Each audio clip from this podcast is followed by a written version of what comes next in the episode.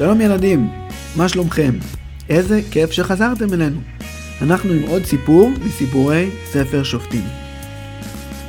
בפעם הקודמת, אתם בטח זוכרים, סיפרנו על יפתח הגלעדי. איך בסוף בסוף הוא השתכנע והסכים לקבל את התפקיד ולהיות המפקד של הצבא של עם ישראל במלחמה נגד בני עמון. סיפרנו גם איך הדבר הראשון שיפתח עשה, עוד לפני שהוא התחיל להתעסק עם הצבא ועם ההכנות למלחמה, היה לשלוח איגרת למלך בני עמון, ולהגיד לו שהוא מבקש ודורש שיצא מהארץ שלנו, מהארץ של עם ישראל, ויפסיק להציק לנו, ואז לא תהיה מלחמה. רק אחרי שיפתח שלח את האיגרת, הוא התפנה להתחיל להכין את הצבא, לחלק אותו ליחידות, למנות מפקדים, להשיג נשק, ציוד ואוכל, ולתכנן את תוכנית הקרב. השליחים של יפתח חזרו ממלך בני עמון והביאו איגרת. ובאיגרת היה כתוב, מה זאת אומרת, תצאו אתם מהארץ שלנו, אתם, אמר מלך בני עמון ליפתח באיגרת, אתם לקחתם לנו את הארץ ששייך לנו, כשיצאתם ממצרים. יפתח החזיר למלך בני עמון עוד איגרת, ובאיגרת השלישית הוא הזכיר לו שעם ישראל לא לקח את הארץ הזאת מבני עמון בכלל. בני עמון הם הצאצאים של בן עמי, ככה נקרא האב שלהם. בן עמי היה הבן של לוט. לוט, שאנחנו מכירים אותו מספר בראשית, שהיה בן אחיו של אברהם אבינו, אחיין של אברהם אבינו. כשיצאנו ממצרים, לא התקרבנו לארץ בני עמון בלי רשות, לארץ של הצאצא של אחיין שלנו, של עם ישראל. הארץ שכבשנו ושעליה מתווכחים עכשיו, הייתה שייכת לסיחון מלך האמורי. זה נכון, פעם פעם סיחון מלך האמורי כבש אותה מבני עמון. אבל אנחנו לא לקחנו לבני עמון שום דבר. זאת הארץ שלנו, שהשם נתן לנו, והצלחנו לכבוש אותה בזכות השם מיד סיחון מלך האמורי. אנחנו לא נצא ממנה. צאו ממנה כדי שלא נצטרך להילחם איתכם. ככה יפתח כתב למלך בני עמון באיגרת התשובה. מלך בני עמון קיבל את האיגרת והתרגז מאוד, והמלחמה הייתה בלתי נמנעת. יפתח התכונן מאוד למלחמה. והתכונן גם מאוד טוב. הוא יצא אליה עם ביטחון. הוא ידע שהוא יצליח לנצח. אבל אז רגע לפני שהצבא שלו הגיע לקרב, הוא פתאום קצת חשש.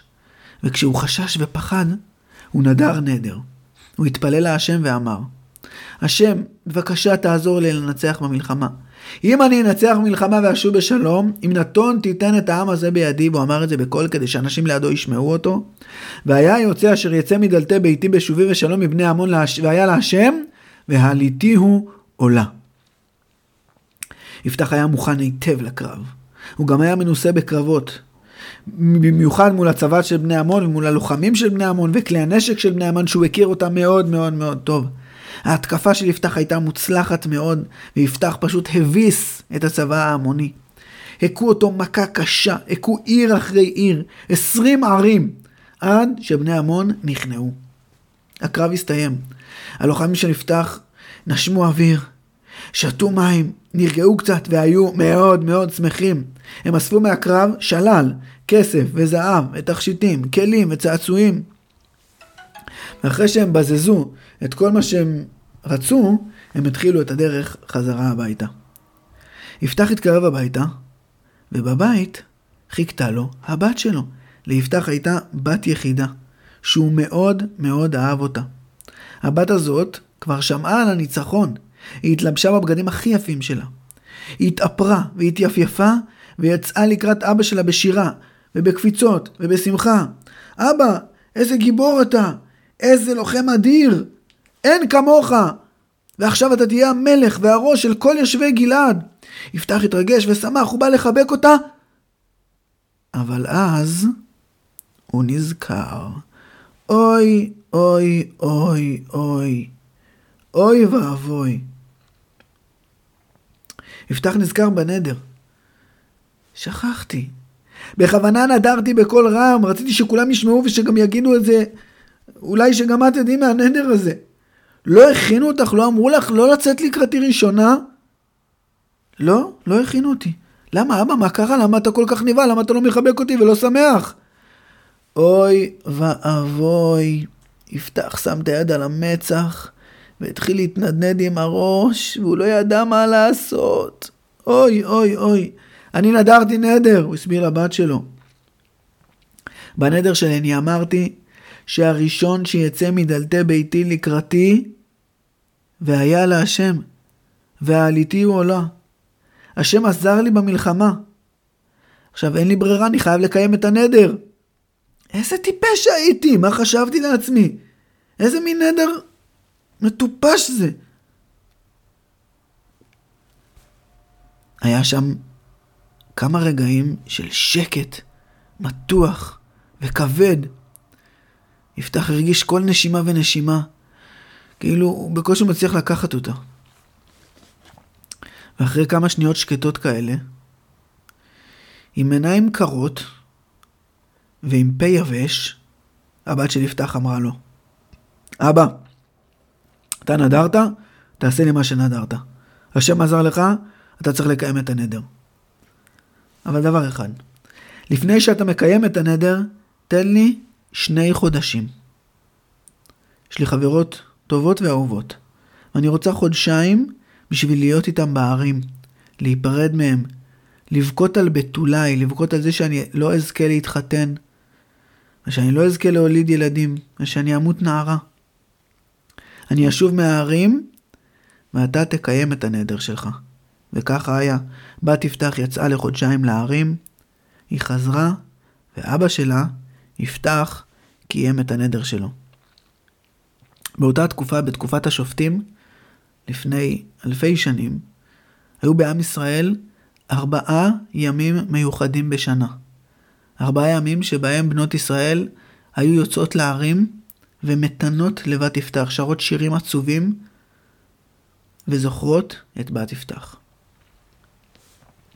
אז הקרב נגד בני עמון הסתיים, היו חגיגות, והיה גם את העניין המאוד מאוד עצוב עם בת יפתח, אבל פתאום התעוררה ליפתח בעיה חדשה.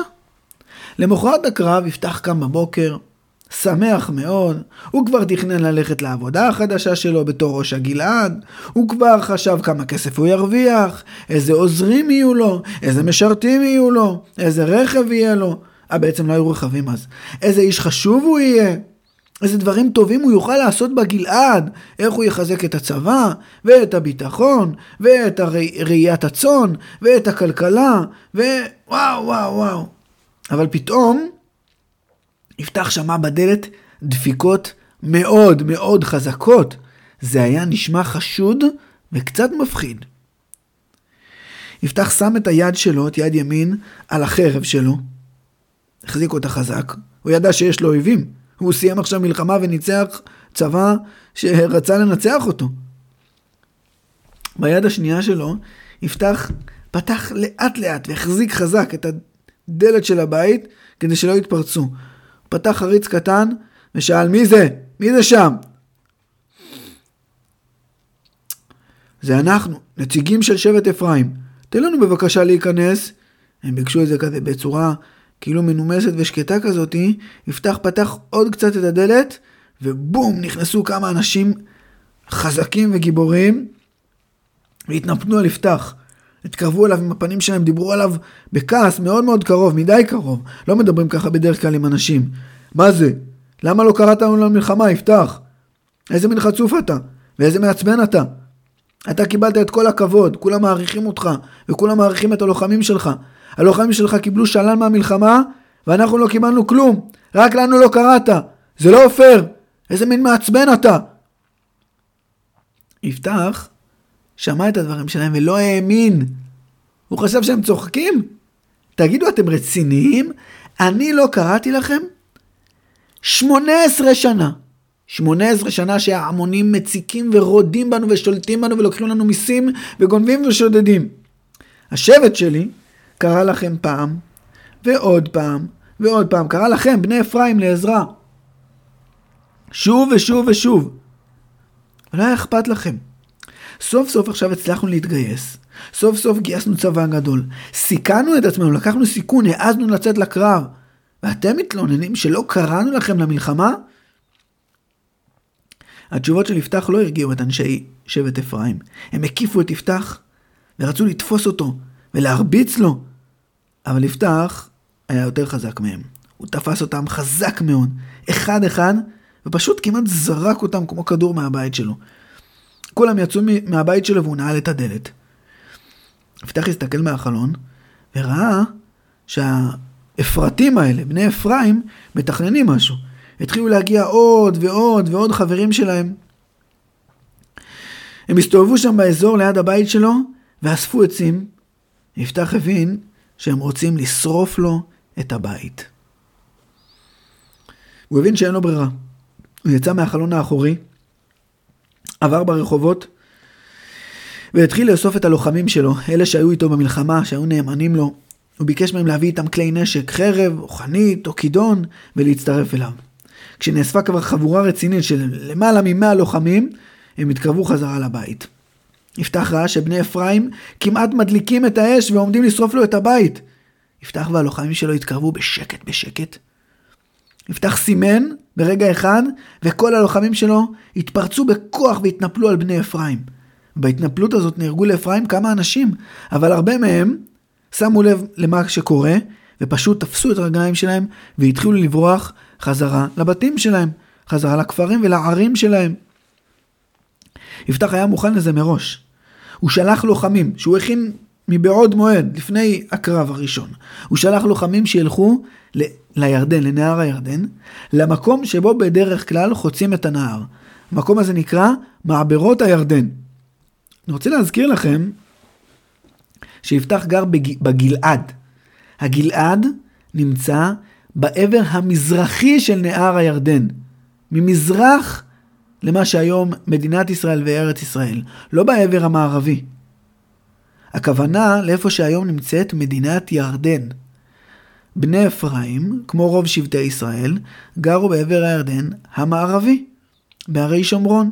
בשביל ללכת לבית של יפתח, הם היו צריכים לחצות את הירדן, ובשביל לחזור מהגלעד, מהבית של יפתח, חזרה לבית שלהם, הם היו צריכים שוב לחצות את נהר הירדן.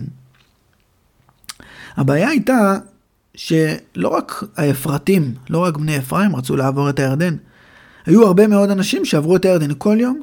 כל מי שגר בעבר הירדן המזרחי ורצה ללכת לעבר המערבי, לטיול, לעבודה, לבקר את סבא וסבתא, לעסקים, לקניות. כל מקום שנמצא בעבר הירדן המערבי, אם באים אליו מהעבר המזרחי צריך לחצות את הירדן וצריך לעבור במעברים של הירדן. אז הלוחמים שיפתח שלח, היו צריכים, רצו לדעת מי נמצא, מי, מי, מי מהעוברים את הירדן באמת משבט אפרים. אז איך הם, איך הם ידעו ש, ש, שאנשים מסוימים הם משבט אפרים ואנשים אחרים לא? איך הם יזהו את האפרתים? אולי הם פשוט ישאלו כל אחד, תגיד, אתה משבט אפרים? הבעיה היא שאם הם ישאלו באופן ישיר כל אחד, אם הוא משבט אפרים, אז אנשים יגידו להם, מה פתאום? לא, אנחנו מאפרים, מה פתאום? לא, אנחנו מיהודה, או בנימין, או זבולון, אף אחד לא יגיד אפרים. הם יודעים שיפתח נמצא איתם במלחמה, והם יודעים שלא ייתנו להם לעבור אם יגידו אפרים. ושאולי אפילו יפגעו בהם ויהרגו אותם. אז מה עושים? איך השומרים של יפתח יכולים לדעת מי מהעוברים את הירדן הוא באמת אפרתי? האמת היא, אני חייב להגיד לכם, שהיה לשומרים האלה, ללוחמים של יפתח שהיו בירדן, רעיון אדיר. ככה, בעזרתו, הם הצליחו לעשות את המשימה שיפתח נתן להם בצורה הכי טובה שאפשר. מה היה הרעיון שלהם? איך הייתה תקופת השיפוט של יפתח? כמה זמן הוא היה שופט? מי היו השופטים שבאו אחרי יפתח? על כל אלה אנחנו נספר בעזרת השם, בפעם הבאה של סיפורי תנ"ך לילדים. תודה רבה שהאזנתם לנו. להתראות.